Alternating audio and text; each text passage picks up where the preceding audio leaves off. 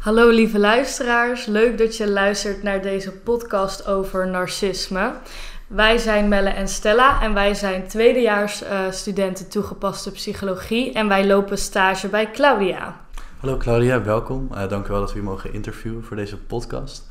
Uh, ik vroeg me af of u misschien uzelf ook even voor wil stellen. Ja, dat is goed. Dank jullie wel voor de uitnodiging. Superleuk dat jullie deze podcast gaan maken. En ook heel fijn en bijzonder dat jullie stage lopen. Mijn naam is Claudia Krumme. Ik ben 49 jaar en ik heb twee ondernemingen. Counseling Center Changes, dat is een particuliere tak. En Claudia's Care Center, dat is onze GGZ-tak, waarin we zowel vrouwen als mannen behandelen die lijden aan relatie- en liefdesverslavingen, verlatingsangst, bindingsangst en ook narcistisch misbruik. Dat sluit dan goed aan op de volgende vraag. Want zou je dan iets kunnen vertellen over wat uw werk dan ongeveer inhoudt? Ja, mijn vak is verslavingscounselor. Um, dus sinds 15 jaar uh, begeleid ik mensen hè, met deze thematiek op verschillende manieren. Hè, dat doe ik door middel van innerlijk kindwerk, EMDR, uh, ademwerk, hè, allerlei verschillende invalshoeken. Dus een beetje mhm. meer de alternatieve hoek. En in onze GGZ-tak behandelen we deze doelgroep hè, met cognitieve gedragstherapie, uh, maar ook ja, verbonden met ook alternatieve technieken. Dus hè, we proberen het beste van twee werelden eigenlijk bij elkaar te brengen. Om uh, ja, mensen die lijden aan een depressie of een angststoornis, wat eigenlijk veroorzaakt is door een onveilige hechting of wat veroorzaakt is door relatieverslaving of narcistisch misbruik je ziet veel vrouwen met name um, die lijden aan PTSS, aan een posttraumatisch stresssyndroom. Vanwege een relatie die ze langdurig hebben gehad met een narcistische partner. Dus daar uh, ja, zie je wel grote linken. Juist, interessant. Uh, want u benoemde net narcistisch misbruik ook al. Uh, zou je wat kunnen uitleggen over die term?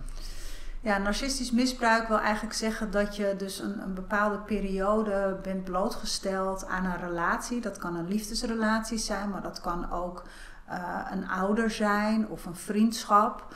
Um, waarin je bent blootgesteld aan manipulatietechnieken. je kunt denken aan het zogenaamde gaslighting, hè, waarin uh, iemand je laat twijfelen aan je eigen waarnemingsvermogen. Uh, je kunt denken aan het structureel liegen, uh, vreemd gaan, uh, nou ja, allerlei nare gebeurtenissen, geweld, schaamte. Het komt ook heel vaak voor dat ze je op een bepaalde manier um, ja, naar beneden halen, devalueren. Hè, structureel, waardoor je zelfbeeld hè, beschadigd raakt. En zo zijn er zoveel vormen van mishandeling die plaatsvinden in een uh, narcistische relatie, uh, die ervoor zorgen dat het een traumatische ervaring wordt. Um, en dat is waarom we het narcistisch misbruik noemen. Daar komen we zo straks later ook op terug, op uh, de relaties tussen narcisme. Um. En zou u wat meer kunnen vertellen over uw persoonlijke ervaring met narcisme? Want u bent niet voor niks met dit werk begonnen. Dus wij vroegen ons ook af of je daar wel eens mee te maken heeft gehad. Ja, ja dat, uh, dat klopt inderdaad. Um, ik heb verschillende relaties gehad, in mijn geval met mannen, hè, die zowel lijden aan een verslaving als aan uh, persoonlijkheidsproblematiek. Ik ben zelf geen psychiater, dus ik mag die, uh, die diagnose niet stellen. dus of ze nou last hadden van narcistische trekken of daadwerkelijk uh, het label persoonlijkheidsproblematiek of narcistische persoonlijkheidsstoornis zouden hebben, dat weet ik niet. maar ik denk dat ik een jaar of 18 was, dat ik voor het eerst een relatie kreeg met een, met een jongen die wel degelijk heel veel kenmerken en eigenschappen had die in het profiel past hè, van iemand met een narcistische persoonlijkheidsstoornis. Alleen in die tijd hè, was ik natuurlijk totaal nog niet op de hoogte uh, van hoe dat in elkaar stak. Het enige wat ik ervaarde was heel veel pijn en verdriet en onbegrip en uh, ook verbazing. Dat ik wel heel erg bezig was met uh, proberen te ontrafelen wat er nou met deze persoon aan de hand was en wat er nou gebeurde en hoe het nou kon dat ik toch steeds ook weer bleef teruggaan. En dus door de jaren heen heb ik dan verschillende partners leren kennen waarin ik een soort overlap zag ook in het gedrag. En op een gegeven moment wist ik van nou, hè, ik, ik leid zelf aan relatieverslaving. Ik, ik ehm, trek steeds weer opnieuw partners aan die of verslaafd zijn of narcistisch zijn. Of op een of andere manier niet in staat zijn tot uh, een, gezonde relatie. Nou, wat is er dan met mij aan de hand? Want het mes snijdt natuurlijk aan twee kanten. Het is ook niet zo dat ik daarmee het boetekleed wil uh, leggen op iemand anders. Uh, maar dat ik me daarin ben gaan verdiepen en dat ik er dus achter kwam dat we eigenlijk beide hè, vanuit een onveilige hechting elkaar zijn gaan aantrekken. Hè, en dan ik juist meer aan de codependent kant. Uh, hè, wat ja. een enorme magneet is eigenlijk hè, voor um, mannen in mijn geval hè, met deze problematiek. Hè, dat gaat heel goed op elkaar. Dat en wat, uh, wat houdt codependency precies in? Ja, codependency staat voor overafhankelijkheid. Hè. Dat is eigenlijk de, de letterlijke vertaling, oftewel medeafhankelijkheid. En dat is een begrip uit de jaren 50. Vanuit de verslavingsklinieken uh, was het een, een benaming voor partners van alcoholisten en partners van verslaafden. Ze zagen een steeds terugkerend patroon bij die partners dat ze zijn gaan onderzoeken van nou hoe zit dat nou? Is het nou een effect van de verslaving van de ander, waardoor uh, een partner please gedrag gaat vertonen, verantwoordelijkheden gaat overnemen en overmatig gaat zorgen? Of is het iets wat ze vanuit binnenuit al met zich meedragen en waardoor ze een partner uitzoeken om dat patroon uit te kunnen leven? En het tweede was eigenlijk wat daaruit kwam. Uh, dus ze werden ook wel beschadigd hè, door de relatie met de verslaafde partner. Maar na onderzoek is ook gebleken dat deze partners ook vanuit de opvoeding al een voorbeeld hadden gehad. Of van een narcistische partner of een verslaafde ouder. Uh, met psychische of psychiatrische problematiek, waardoor ze dat codependent patroon eigenlijk al in de vroege jeugd ontwikkeld hadden. En dat ze vanuit hun onderbewustzijn een soort sensor hebben ontwikkeld om op latere leeftijd dan weer een partner aan te trekken met soortgelijke eigenschappen, waardoor ze opnieuw in contact worden gebracht met die oude wonden. Dat is eigenlijk yes. hoe het een beetje werkt.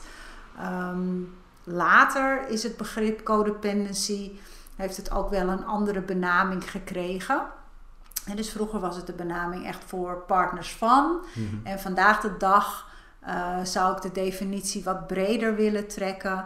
En vind ik zelf de mooiste definitie dat het een trans is, oftewel een automatisch pilootgedrag, waarin je de behoeften en de wensen van anderen belangrijker maakt dan die van jezelf. Hè? Dus zonder dat je het doorhebt. Het is ook echt een overlevingsstrategie, ja. wat narcisme overigens ook is, maar daar komen we zo nog wel op. Um, hè, dus een overlevingsstrategie zet je altijd in om onderliggende pijn te onderdrukken. Juist. Ja. Ja. Dus wat, wat ik hier opmerk is dat, dat uh, codependency een soort van trance, zoals je dat mooi benoemde, waarin je eigenlijk jezelf uh, onder de, je partner plaatst, of degene waarvan je afhankelijk bent plaatst, om maar te zorgen dat diegene dan van je begin, gaat houden? Of? Ja, je kan het veel breder trekken. Codependency ja. bevindt zich ook in vriendschappen en op de werkvloer. Dus het please-gedrag. Please-gedrag is een mooi voorbeeld van andermans behoeftes belangrijker maken dan die van jezelf. Dat please-gedrag wordt ingezet uit angst voor afwijzing, of uit angst om niet goed genoeg te zijn, of uit angst om iemand te verliezen. En vanuit die angst treedt dat automatisch piloot, die trans, in. Waardoor ze voordat ze het weten weer zijn mm. aan het overwerken. Of voordat je het weet weer uh, een appje hebt gestuurd of ja heb gezegd terwijl je eigenlijk nee bedoelde. Ja, dus dat zijn denk ik mooie concrete voorbeelden. Ja. Ja, en uh, de reden waarom ik uh, ook doorvroeg op uh, codependency is, zoals ik ook heb gelezen op de website van nu, dat mensen die codependent zijn eigenlijk heel goed matchen zeg maar, met een narcist omdat een narcist kan misschien heel goed misbruik maken van de ander, want de codependent die doet het toch wel voor de ander. Klopt dat? Precies, ja. Dus dat is een heel uh, makkelijk prooi om ja. het zo te noemen. Ja. Ja, ja. En het sluit ook aan op elkaars behoeften. de codependent vindt het heel fijn om te zorgen en die verantwoordelijkheden over te nemen. En uh, de narcist vindt het heel fijn om controle uit te oefenen over de ander. En nou, daar is dus een, een bepaalde wisselwerking gaande die, die heel goed op elkaar inmatcht. Ja. Want zou je dan ook kunnen stellen dat de narcist een soort van onderliggende codependency heeft van de codependent? Ja, dat zou je zo kunnen stellen. Er is ook een stukje afhankelijkheid, hè, want mhm. ze hebben narcistische voeding, zo wordt dat genoemd, ook nodig om uh, te kunnen doen wat ze doen. Ehm, en ik heb ook wel gezien bij narcisten dat zij ook vanuit een, een stuk angst hè, kunnen reageren, juist. Hè, dezelfde angst als die de codependent heeft. De angst voor afwijzing, uh, dat is ook waarvanuit zij opereren en waarvanuit zij reageren. Juist. Het is eigenlijk een constante wisselwerking van de angst van afwijzing van allebei de, de partners. Ja, zeker. Ja, en uh, zou je misschien meer kunnen vertellen over wat narcisme inhoudt? Hoe herken je bijvoorbeeld een narcist?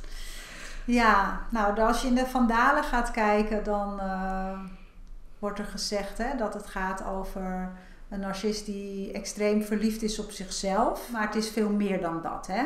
Het, uh, het is heel destructief. Dus uh, het heeft invloed op niet alleen de narcist zelf, maar ook op zijn omgeving, op zijn kinderen, op zijn partners, op zijn relaties in het algemeen. Um, dan is er ook nog dus een verschil tussen narcistische trekken en een narcistische persoonlijkheidsstoornis. En als je kijkt op het spectrum, uh, heb je aan de ene kant dus narcistische trekken en aan de andere kant de persoonlijkheidsproblematiek. En daarin zit nog een heleboel tussen. En ook wij als gezonde mensen uh, hebben narcistische trekken of hebben narcistische uh, eigenschappen. Hè? De een meer dan de ander. Dus dat is ook gezond. Hè? We spreken ook over gezond narcisme. Dus helemaal aan die andere kant hebben we het gezond narcisme. Dan hebben we de narcistische trekken en dan de persoonlijkheidsproblematiek. Ja. Um, dus als we gewoon even kijken naar um, gedrag, hè, naar symptomen, hoe herken je dan een narcist?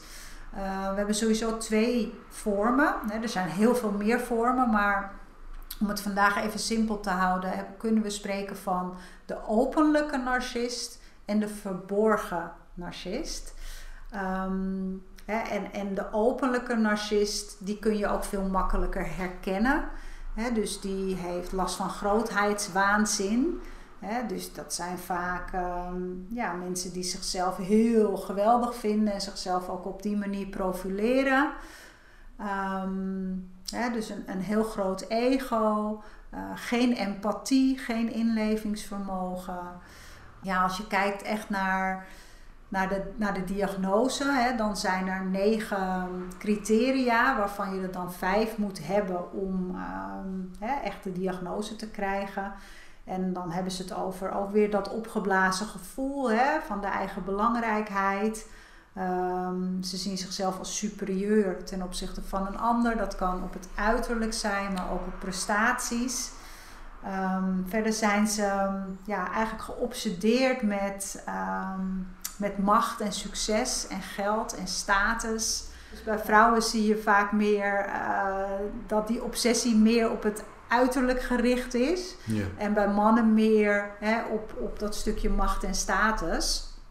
Dus daar zit wel een duidelijk verschil in. Ze hebben het gevoel bijzondere rechten te hebben. Dus ze plaatsen zichzelf eigenlijk altijd boven een ander. Uh, waardoor ze denken dat uh, de, de regels die we in de maatschappij samen hebben afgesproken, dat die niet gelden. Mm -hmm. um, dus dat is ook een mooi uh, criterium. Misbruik maken van anderen. Um, ja, dat is ook een, een, een, een criteria. Uh, zijn vaak erg jaloers en afgunstig op anderen. En kunnen zich agressief of arrogant uh, laten zien. Um, ja, dus ik denk dat ik de meeste wel, wel heb benoemd. En hè, nogmaals, we herkennen er allemaal wel iets in. Of in een bepaalde situatie een keer. Hè, maar dit gaat over structureel gedrag. Uh, in een bepaalde hè, periode. Ze zeggen ook narcisme ontstaat eigenlijk al in de eerste vijf levensjaren. Hè, oh. dus je kunt het bij kinderen eigenlijk vaak al herkennen. En um, ja, dan moet je wel vijf van die symptomen uh, hebben om die diagnose te krijgen. En hoe heeft u bijvoorbeeld zelf uh, geleerd om narcisme te herkennen? Want u vertelde al in het begin dat je al te maken hebt gehad met narcistische partners. Hoe kwam je daarachter dat ze narcistische trekken zouden kunnen hebben? Ja, ik denk dat dat pas veel later was toen ik er al lang uit was. Maar een van de symptomen wat me wel altijd is bijgebleven is ehm, dat in een ruzie of in uh, hetgene wat er gebeurde, dat ik heel erg kon voelen van ja, je kan het nooit winnen, want ze zijn altijd gemener dan jij. Ja. En uh, juist die gemeenheid, die wreedheid, die, ja, dat heb ik met verbazing aanschouwd. Van hoe is het mogelijk dat iemand zulke dingen kan zeggen, dat iemand zulke dingen kan doen. Uh, ja, dus dat waren voor mij wel de meest indrukwekkende dingen waarvan ik dacht, ja, dat is echt niet gezond. Daar moet echt iets mee aan de hand zijn. En pas later ben ik hè, gaan lezen over narcisme en kon ik het gaan herkennen. Hè, zowel op de werkvloer als bij familie, als bij uh, relaties. En op een gegeven moment heb je zoveel kennis en heb je bij zoveel verschillende mensen gezien. Hè, en ook bij vriendinnen en bij collega's en hè, gewoon zoveel verschillende vormen. Dat je intuïtief ook uh, een soort zesde zintuig is het geloof ik hè? Mm, ja, uh, ja. ja. Uh, krijgt dat je dat gewoon gaat voelen. En dat je dat gewoon ja, eigenlijk in één oogopslag eigenlijk al kan herkennen. Ja, wel, eh, wel grappig als u dat zegt. Want ik had, wij hebben zelf ook onderzoek gedaan voor studie daarnaar. En eh, toen, uh, toen ging ik zelf ook nadenken over mijn persoonlijke ervaring. Um, en uit onderzoek dat, dat had gebleken dat je juist heel erg afstandelijk moet zijn naar narcisten. Dat je niet zoveel over jezelf moet delen. En zelf heb ik dus meegemaakt dat als ik in aanraking was met iemand waarvan ik het vermoeden had dat ze iets van narcisme hadden, zonder dat ik er enige kennis over had, sloot ik me toch al af. En dan werd ik steeds, bleef ik oppervlakkiger dan dat ik zou zijn naar iemand anders. Ja, ik, ik denk niet dat dat altijd zo is. Nee. Hè? Dus dat uh, veel mensen juist zichzelf wel blootstellen, ook aan de narcist.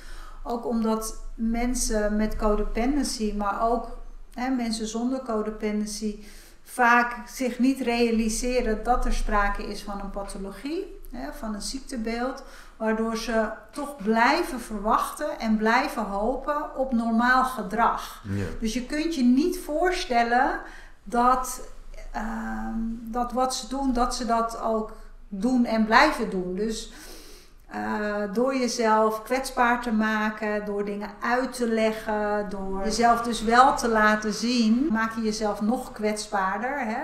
Um, maar dat is wel wat je blijft doen in de hoop dat er iets verandert. Ja. Ja. Dus het is niet een automatisch gedrag wat de narcist triggert. Nee. Um, hè, zoals wat jij beschrijft. Het is juist vaak andersom.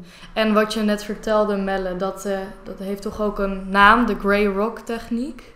Ja, klopt, Dat je expres eigenlijk een beetje afstand neemt van ja. de narcist. Ja, maar met natuurlijk... name van het emotionele stuk. Ja. Hè, dus dat je het heel praktisch houdt. Ja. En dat is inderdaad een, een, een mooie techniek hè, die je als uh, vrouw of als man kan inzetten als je nog te maken hebt. Uh, omdat je bijvoorbeeld uh, samen kinderen hebt. Juist. Hè, dus dan blijf je in die emotionele band met elkaar. Maar hoe kan je dan zorgen dat je toch um, ja, oppervlakkig en praktisch blijft? Hè? En daar is die Grey Rock techniek um, ja, dan een, een, een mooie aanvulling in. Ja, ja, maar het, ik kan me voorstellen dat dat af en toe wel heel lastig is. Dat is heel moeilijk. Ook met name dus omdat de narcist is niet alleen een narcist, maar is ook een mens met heel veel charisma en uh, ook leuke kanten. Je trapt er steeds weer opnieuw in dat je denkt van nou nu, nu is het wel anders of nu uh, je blijft ander gedrag verwachten. Hè? Dat is die valse hoop, hè? wat ook weer een overlevingsstrategie is. Ehm, waardoor je dus echt heel sterk in je schoenen moet staan en je steeds moet realiseren van ik heb te maken met een persoon met een narcistische persoonlijkheidsstoornis of met narcistische trekken, ehm, die niet zal veranderen. Dus dat je die grey rock techniek of hè, andere technieken in blijft zetten om bij jezelf te blijven. En hoe ontstaat narcisme eigenlijk? Ja, daar uh, zijn ze ook nog steeds wel onderzoek aan, naar aan het doen. Maar ze denken toch wel dat traumatische gebeurtenissen, dat dat de meest grote factor is in het ontwikkelen van narcisme. Dus dat ze door datgene wat een kind meemaakt aan, aan misbruik of mishandeling, um, dat ze al op hele jonge leeftijd uh, dat opgeblazen gevoel en dat narcistische gedrag nodig hebben om zichzelf te beschermen. dus al op jonge leeftijd die strategie eigen maken om um, ja, de onderliggende pijnen te onderdrukken en niet te hoeven voelen. Juist, um, want u had het hiervoor ook al van dat narcisme voornamelijk in de eerste vijf levensjaren ontwikkelt. Uh, denkt u dat het hebben van narcistische ouders ook een soort uh, een soort grondlegging kan hebben voor het zelf ontwikkelen van narcisme? Absoluut. Ja, zeker. Ja. dus het, het, kinderen spiegelen sowieso natuurlijk hun ouders. Ja. Ehm, het kan ook zijn dat je inderdaad twee narcistische ouders hebt. dat is nog destructiever dan één. Uh, het, het, is fijn dat als het er maar één is, dat je in ieder geval nog een stukje gezonde graadmeter hebt, hè, waardoor je het verschil kan ervaren.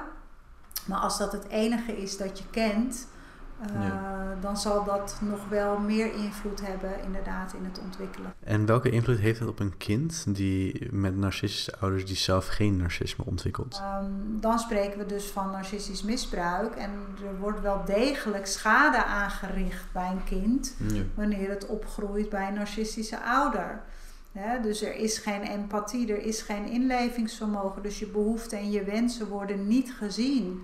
En als je dat structureel meemaakt, ja, dan ontwikkel je dus een, een stuk lage eigenwaarde en een kernovertuiging van niet goed genoeg zijn. Um, ja, wat, wat je de rest van je leven meedraagt. Ja. En dat iemand structureel over je grenzen heen gaat.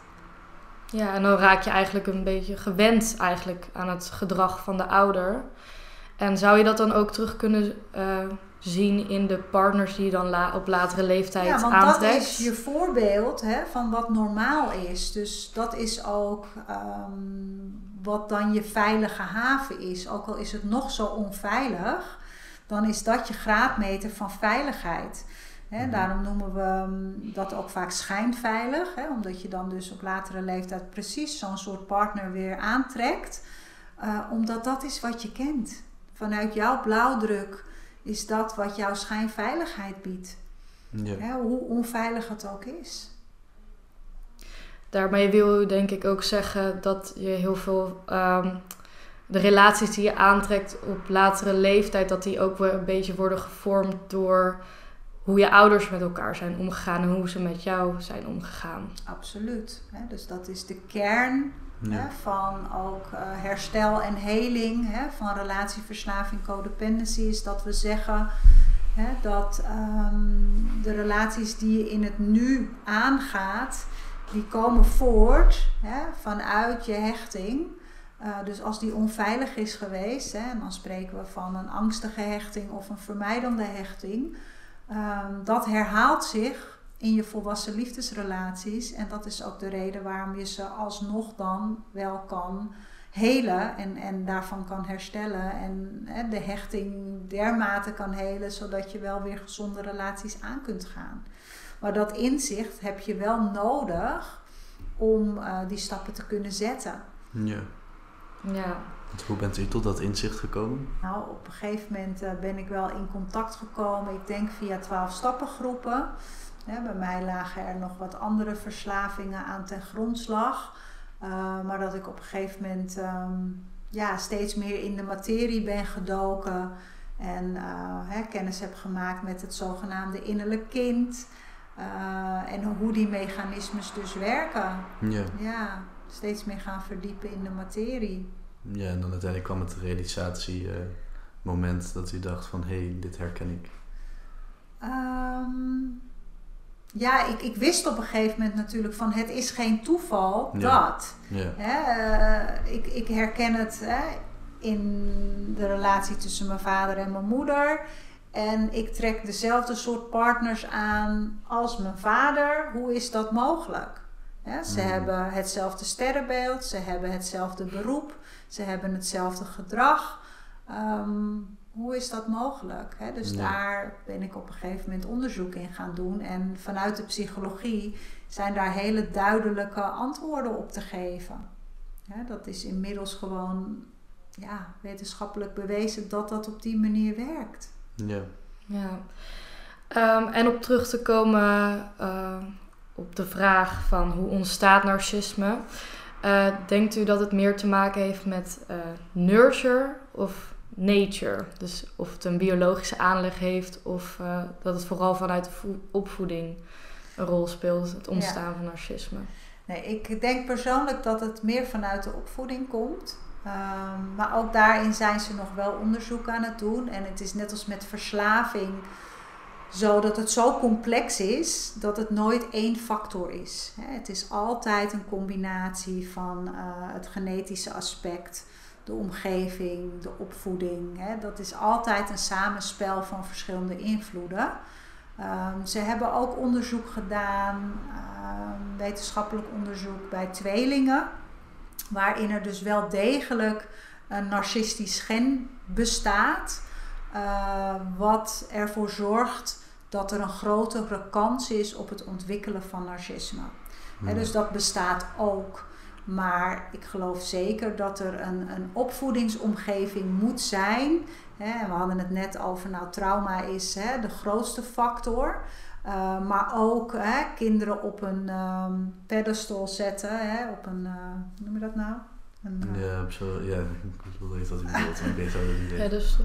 Ja, een, uh, dat je, ze boven, dat je ja. ze boven een ander plaatst. Hè? Dus dat oh. je kinderen leert dat ze belangrijker zijn dan een ander. Ja. Um, en vaak in combinatie dan ook met, uh, met mishandeling in de zin van hè, emotionele verwaarlozing. Die twee componenten samen uh, kunnen ook zorgen voor uh, een narcisme. Er is niks mis mee om je kind hè, te veel liefde te geven. Uh, als het ook in gezonde banen geleid wordt en je een kind leert dat er consequenties zijn aan bepaald gedrag. Maar hmm. dit voorbeeld wat ik schets gaat veel meer over. Het ene moment is er afwijzing en is er uh, eigenlijk geen gezonde emotionele basis. En het andere moment worden ze verwend tot op het bot. En um, ja, is er helemaal geen, geen emotionele bedding. Ja. en krijgen ze het idee ja, dat ze belangrijker zijn dan een ander. En zeker als je zelf als ouder ook dat voorbeeld geeft, uh, dan nemen kinderen dat zeker over. Interessant dat hij dan vertelt dat uw kinderen dan aan de ene kant niet, dat niet hun behoefte wordt voldoen, maar aan de andere kant juist wel heel erg verwend worden. Op dus een voetstuk gezet worden, dat, was het, woord. Op een voetstuk gezet moeten worden. Het voetstuk, ja. Um, want uit, uit het onderzoek dat wij hebben gedaan kwam ook naar voren dat zeker uh, bij de generatie van millennials en daarna, dus onze generatie, dat er echt best wel een grote groei is in het aantal narcisme. Um, en ook omdat onze podcast voornamelijk als doelgroep gericht gaat op jongeren en studenten, uh, was ik benieuwd naar wat u dacht in uh, hoeverre narcisme speelt onder deze generatie, dus onder de jongeren. Ja, ik, ik heb geen idee. Ik mhm. denk dat het ook gewoon veel meer zichtbaar wordt doordat we er veel meer over weten. Ja. Hè, dus uh, ik denk dat het vroeger niet minder was dan nu. Hm. Um, nee, dat denk ik niet. Okay. Wij hebben gelezen dat er best wel een grote opkomst is van mensen met narcistische trekken. Zijn, ja. Maar misschien komt dat ook omdat we er meer over weten. Ja, dat er dat gewoon is meer bekend is. Ja. Um, ja, ik weet niet of, of ouders nog slechter zijn in opvoeden. Of dat er nog meer trauma uh, wordt veroorzaakt dan vroeger. je zou denken dat mensen zich in de evolutie steeds meer emotioneel ontwikkelen, waardoor dat juist minder plaatsvindt. Ja. Ehm, maar dat, daar ben ik niet echt van op de hoogte. Nee. Ja, ik had het hier dan meer over narcistische trekken. Dus dat je eigenlijk meer, uh, niet per se narcisme ontwikkelt, maar wel meer zelfliefde moet ontwikkelen. Um, ja, maar, dan spreken we over gezond narcisme. Uh, onder andere, hier. Ja. Maar dan zou het ook kunnen uh, even uh, ontwikkelen in ongezond narcisme? Ja, ik weet dus niet of hè, de millennials of, of die manier van leven, of dat van invloed is op het ontwikkelen van, van narcisme. Dat, dat geloof ik niet. Wat ik al zei, het, het gaat er niet om dat je een kind alles geeft wat het nodig heeft. Het gaat juist om die samenspraak van enerzijds het niet geven wat het nodig heeft, hè, emotioneel. En anderzijds dus wel verwennen tot op het bot. Dus ik heb wel ook een aantal jaren geleden in een kliniek gewerkt. Uh, wat speciaal was voor kinderen uit het gooi. of wat echt een particuliere kliniek was. Uh, dus waar ouders geld moesten hebben om uh, hun kinderen te kunnen laten verblijven. En daar zag je dat dan wel. Hè? Dus dat ze inderdaad op een extreme manier verwend waren. En aan de andere kant emotioneel eigenlijk veel te veel tekort kwamen. Ehm, en die ontwikkelde dan verslaving. Het heeft in ieder geval geen gezonde uitwerking. Nee. Ehm, en dan waren we ook nog benieuwd naar uh, hoe een narcist eigenlijk omgaat met anderen. En hoe de banden zich ontwikkelen met andere mensen. En wat maakt een narcist nou zo aantrekkelijk? Ja, het zijn vaak hele charismatische mensen. Hè? Dus ze weten heel goed Ehm, wat anderen leuk vinden en hoe ze zichzelf op een sociale manier, sociaal wenselijke manier neer kunnen zetten. dus dat is één. Ehm, en ook vanuit hun manipulatietechnieken. het, het, is een masker, een narcistisch masker. Dus je weet nooit met wie je echt te maken hebt. Dus ze doen zichzelf enorm uh, mooi en leuk voor. En daarnaast hebben jullie misschien ook wel gelezen over een love bombing fase. Waarin ze echt alleen maar de leuke kant van zichzelf laten zien en de ander overladen met complimentjes en cadeautjes. En het ware zich, gezicht zie je niet. dus het is echt een uh, façade waar je ehm, door overrompeld wordt. En die sluit vaak ook aan bij die wond hè, die die partner met zich meedraagt, hè, die vaak een gebrek heeft aan aandacht, liefde en erkenning. En dan komt die relatieverslaving weer om de hoek kijken. Uh, waardoor ze dus heel makkelijk prooi zijn voor een narcist. En dat ja, extreem uh, aantrekkelijk vinden. En we zeggen altijd van nou, als het te mooi om waar lijkt te zijn, dan is het dat waarschijnlijk ook. Waarin was u bijvoorbeeld aangetrokken tot uh, ja, uw dat, ook datzelfde charisma en de humor. Ja. Ik ben zelf vrij rustig. En uh, ja, deze mannen waren heel druk en uh, heel gezellig en veel humor, veel lachen. Hè, dus die raakte in mij een, een, een stuk wat, wat ik heel erg leuk vond. Ja, want u benoemde net ook al kort de manipulatietechnieken. Um, hoe, hoe heeft u die uiteindelijk kunnen ontmantelen of ontdekken?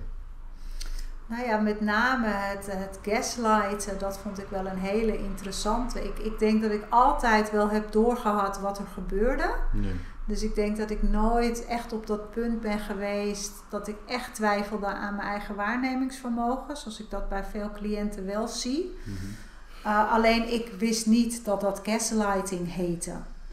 Um, dus het gebeurde, ik stond erbij, ik keek ernaar en ik dacht van nou dit klopt niet. Hè. Er wordt mij nu iets aangepraat uh, wat ik totaal niet ben en wat echt een projectie is van de ander.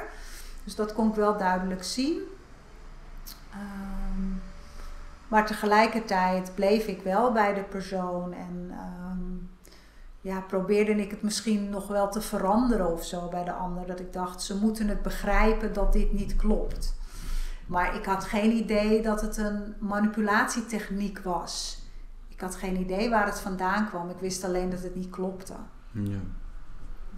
En hoe, hoe uh, bent u daar dan verder mee omgegaan? Zegt ik bleef wel bij de andere persoon. En waarom? Nou ja, dat is ook een proces geweest. Op een gegeven moment, uh, hè, zoals je bij iedere verslaving wel een, een bodem kunt raken. Ehm, en ik ook wel steeds um, ja, toch meer eigenwaarde ontwikkelde, denk ik, vermoed ik. Dat ik op een gegeven moment toch die stap wel heb kunnen maken van ja, dit is niet mijn leven. Hè. Ik, uh, ik wil graag in het licht leven. In het leven waar, waar het gaat over liefde en vreugde en zachtheid. En het leven wat ik nu leef, hè, dat zit meer in de donkerte, in de zwaarte. Ook gecombineerd met uh, actief middelengebruik. En dat ik op een gegeven moment wel echt kon kiezen van het is echt klaar voor mij. Ik wil, ik wil dit echt niet meer. Ja, maar u heeft wel nog heel veel cliënten, denk ik, die nog steeds lijden aan een partner met narcisme. Absoluut. En ja, uh, ja hoe is het voor hun om niet te weten dat, uh, dat ze gemanipuleerd worden? Ja, daar, daarin verliezen ze zichzelf volledig. Hè? Dat is denk ik wel um, een van de meest destructieve dingen die gebeurt, is dat je als persoon um, jezelf volledig verliest. Dat je niet meer weet wie je bent, dat je niet meer kan vertrouwen op wat je denkt, wat je voelt. Uh, alles wordt je aangepraat. Je bent jezelf volledig kwijt. Ja. En dat, uh, dat is heel tragisch ook om te zien en te aanschouwen bij vrouwen die bij ons uh, in de praktijk komen. Ja, want, want hoe gaat u er dan mee om in de behandeling? Zorgt u dat, u uh, dat ze zelf tot een inzicht komen of meldt u het zelf ook? Wat u... Ja, beide. Hm. Beide. Dus wat wij cliënten leren hè, is, is dat ze gaan begrijpen ook hè, dat er een, een, een, volwassen deel is dat aan het roer kan staan. Hè. En vaak is dat er ook. En begrijpen ze cognitief of rationeel ook wel van hé, hey, er klopt iets niet. Alleen dat wordt vaak in het contact met de persoon vanuit die trance weer ondergesneeuwd, waardoor ze weer in dat verlies van het zelf zitten en reageren vanuit het verlies van het zelf. Maar er zijn ook momenten dat je ze wel kan aanspreken op hun gezonde verstand. dus wat ik eigenlijk altijd zeg is: we hebben het gezonde deel en we hebben het verslavingsdeel. En welk deel geven we voeding? Hmm. dus je kunt voeding geven aan het verslavende deel door te blijven samenwonen en uh, niets aan je herstel te doen. En je kunt voeding geven aan het gezonde deel door boeken te lezen, af en toe een weekendje voor jezelf te nemen, hè, een training te volgen, uh, allerlei dingen te doen die jou gezonde voeding geven en die zorgen dat je steeds minder in die zuiging van die narcist zit. En dat dus dat gezonde, volwassen, autonome zelf weer kan gaan toenemen. En dat, dat, uh, ja, ja, dat, dat, dus, dat daar een verschuiving plaatsvindt. En soms is het ook wel belangrijk om iemand wel te confronteren. Ja. dus ik ben heel erg van het oplossingsgericht coachen. Wat betekent dat je echt uh, de waarheid vanuit de ander laat komen. En dat je eigenlijk niet zo directief bent. Maar zowel bij verslaving als bij partners van. Uh, is het ook soms belangrijk om wel directief te zijn en gewoon te zeggen hoe het zit. Ja. Ja, ja, ja inderdaad. Um, en hoe ziet verder het liefdesleven van een gemiddelde narcist eruit? En zie je ook terugkomende patronen in partners? Bijvoorbeeld dat ze veel verschillende partners hebben gehad of veel verschillende vriendschappen misschien wel, omdat ze elke keer weer anderen afstoten. Ja, dat zie je zeker heel vaak, maar je ziet ook wel in liefdesrelaties hè, dat uh, vrouwen of mannen wel een hele langere tijd bij iemand kunnen blijven. Dus het is niet altijd zo. Hè. Er zijn vrouwen of mannen die wel 20, 30 jaar in een narcistisch huwelijk kunnen zitten. Maar wat je zegt is wel waar. Hè? Dus um, echte gezonde vriendschappen, langdurige vriendschappen, die zie je vaak niet bij narcisten. En hoe komt dat dan? Ja, omdat ze of uitgekeken zijn op de ander, omdat ze geen misbruik meer kunnen maken van een ander. Hè? Dat het, het heeft het doel al gediend. Uh, en de andere kant is ook dat een narcist niet altijd heel fijn is om mee om te gaan, omdat hij niet wederkerig is. Hè? Dat is ook een heel belangrijke eigenschap. Dus het gaat altijd over de ander. Ja. Dus in een vriendschap is dat ook niet zo heel erg leuk. Nee.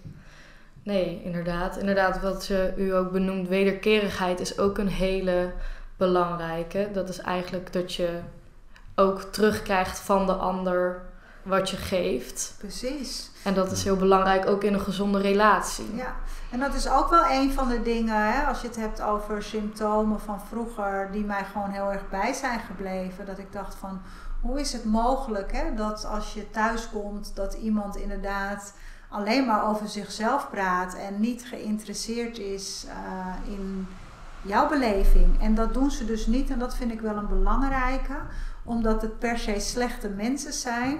Maar dat doen ze, doen ze eigenlijk omdat ze het niet in staat zijn tot.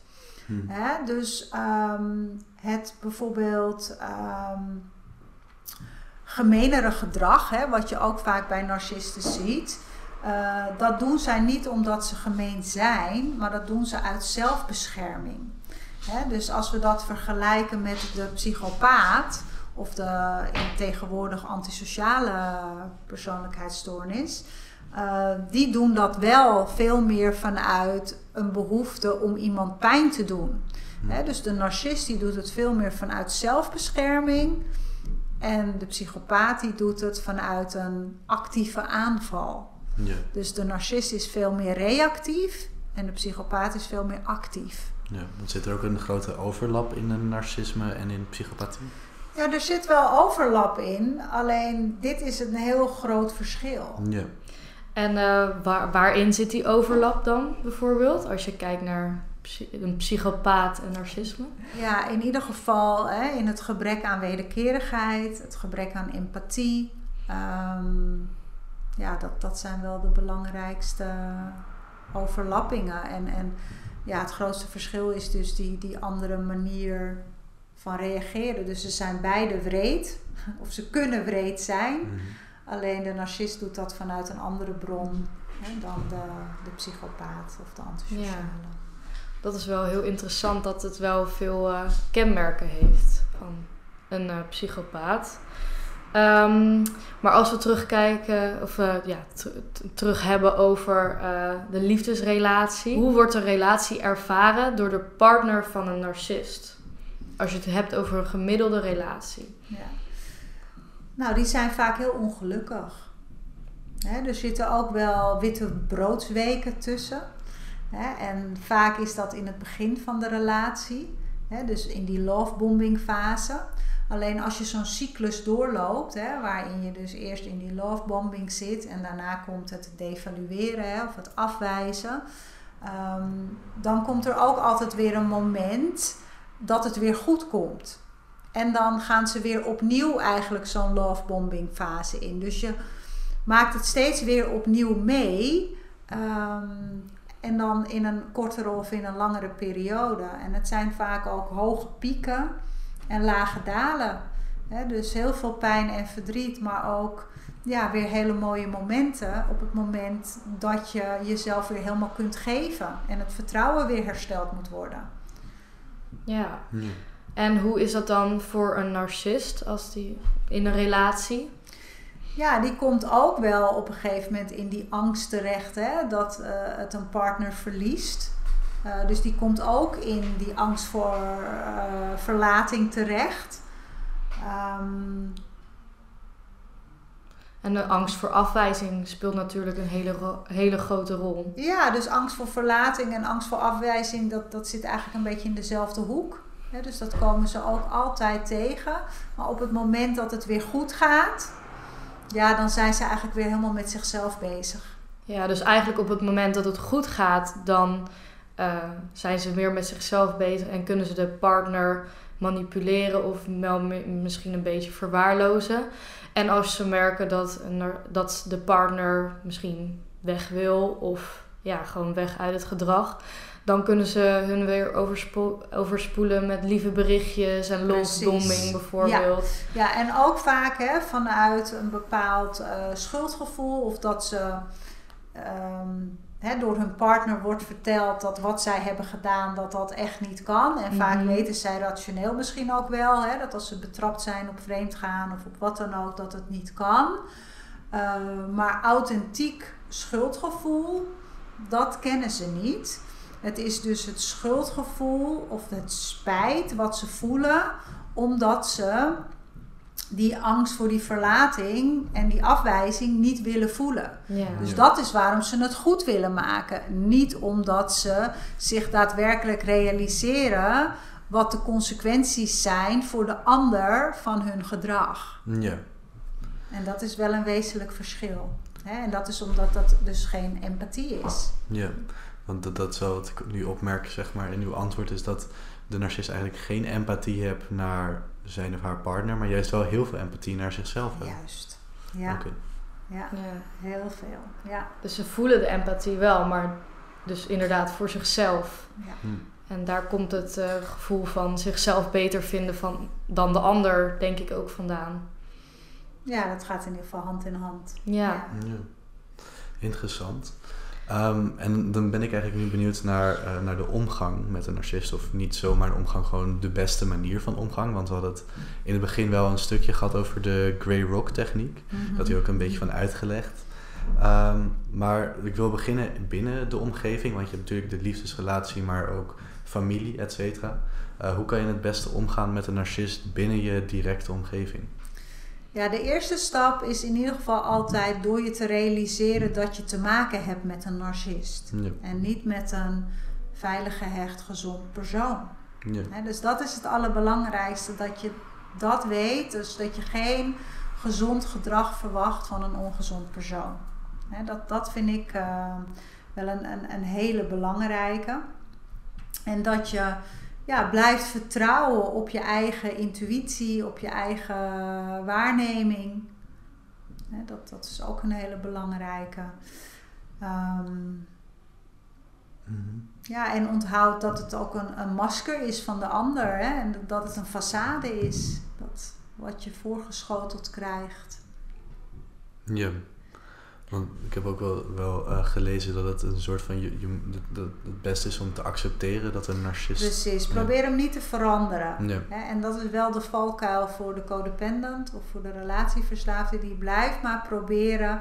En, en dat is ook heel logisch. En ik ben daar zelf ook geweest. Omdat ze hebben ook hele leuke kanten.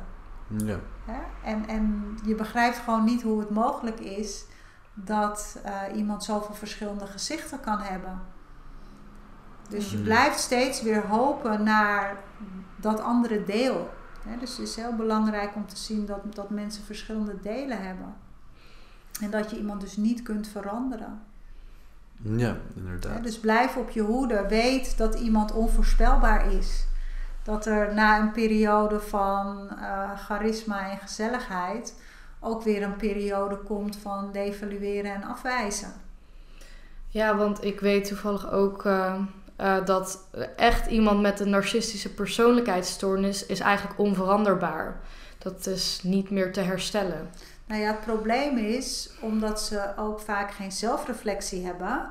eh, dus ook niet hè, eh, intrinsiek gemotiveerd kunnen raken om te veranderen. Ja. Ja, ja, en zelf weten ze vaak ook niet dat ze narcistisch zijn, omdat ze het niet willen geloven, lijkt me. Nou ja, en er zijn ook narcisten die zijn zo narcistisch dat ze er nog trots op zijn dat ze narcist zijn. Uh, maar hoe is het dan als je bijvoorbeeld met een narcist buiten je directe omgeving te maken krijgt? Dus bijvoorbeeld met een uh, collega of uh, iemand die opeens agressief tegen je doet in de supermarkt waar je denkt. Ja. Ja, die vind ik lastiger. Dan weet je het natuurlijk ook niet. Hè? Ja, je zou kunnen kijken van als ik een werkgever heb. Hè, ehm, ja, val zo iemand nooit aan het publiek aan. Hè? Weet dat iemand dus reageert hè, vanuit ehm, die, die, die, die angst voor afwijzing, vanuit die krenking, vanuit die ego-krenking. Ja. Dus dat je ja, toch wel een soort van voorzichtig bent met hoe je dingen brengt. Ja. En dat betekent niet dat je op je tenen moet gaan lopen. En dat betekent ook niet dat je de ander moet gaan pleasen. Want het is juist heel belangrijk bij narcisten ook dat je grenzen stelt. Maar doe dat wel op een manier dat hij zich eerst gezien voelt. En dat je daarna aangeeft wat jij nodig hebt. Ja, want bij narcisme is ook wel bekend dat ze het juist een soort van hobby hebben om juist over grenzen heen te gaan. Want hoe kan je dan het beste over grenzen, eh, je eigen grenzen stellen naar een narcist? Ja, door heel concreet het gedrag te benoemen wat jij wenst. Juist. Want wat heeft u dan geleerd uit uw eigen ervaring in de, met betrekking tot de omgang van narcisme? Nou, ik denk dat dat wel een hele belangrijke is. Dat je ze het gevoel geeft uh, dat ze waardevol zijn. Dus um, ik had wel heel erg de neiging juist om op een reactieve manier ook te reageren. Waardoor iemand zich meteen ja, in die krenking bevond. Uh, en dus meteen ging terugslaan. Ja.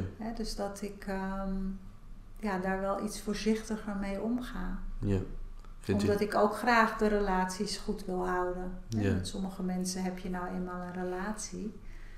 Um, en dan is het fijn dat je ook toch een weg vindt om met elkaar uh, door één deur te kunnen. Ja.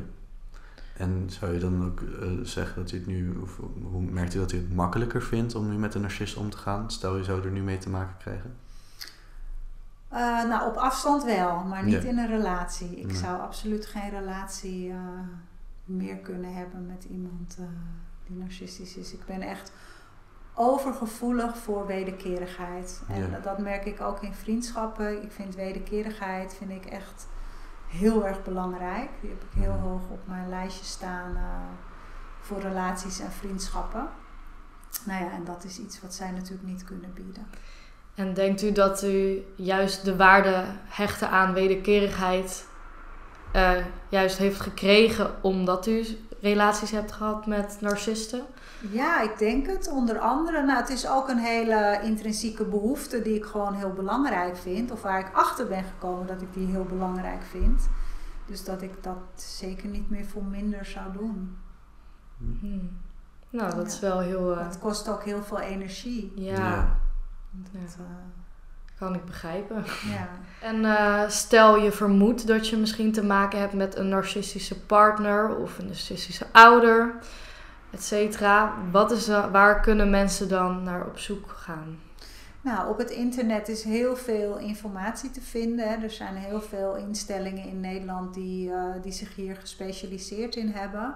Je kunt ook bij ons terecht. Hè. Wij hebben dus die particuliere tak, dat heet Counseling Center Changes.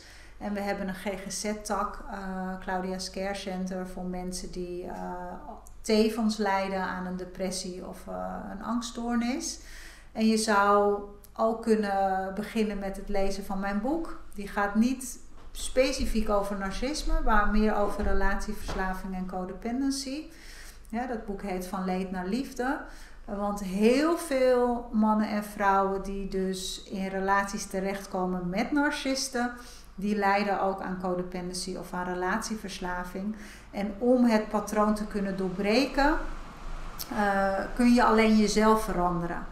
Dus je kun je heel erg op het narcisme gaan richten, maar de ander kan je niet veranderen. Dus het is veel interessanter om te kijken van wat is het gedrag in mij? Wat maakt dat ik deze persoon op mijn pad heb aangetrokken?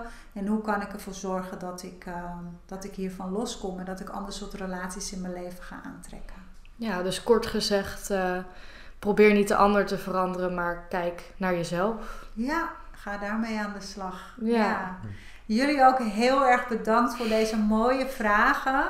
En um, ik, ik, ik weet zeker dat jullie heel veel mensen in jullie netwerk gaan bereiken met deze waardevolle podcast. Ik hoop het. Dat hopen wij zeker. Ja, ja heel erg bedankt. Ja, heel erg bedankt voor de waardevolle informatie en ook dat u uw eigen verhaal durft te delen.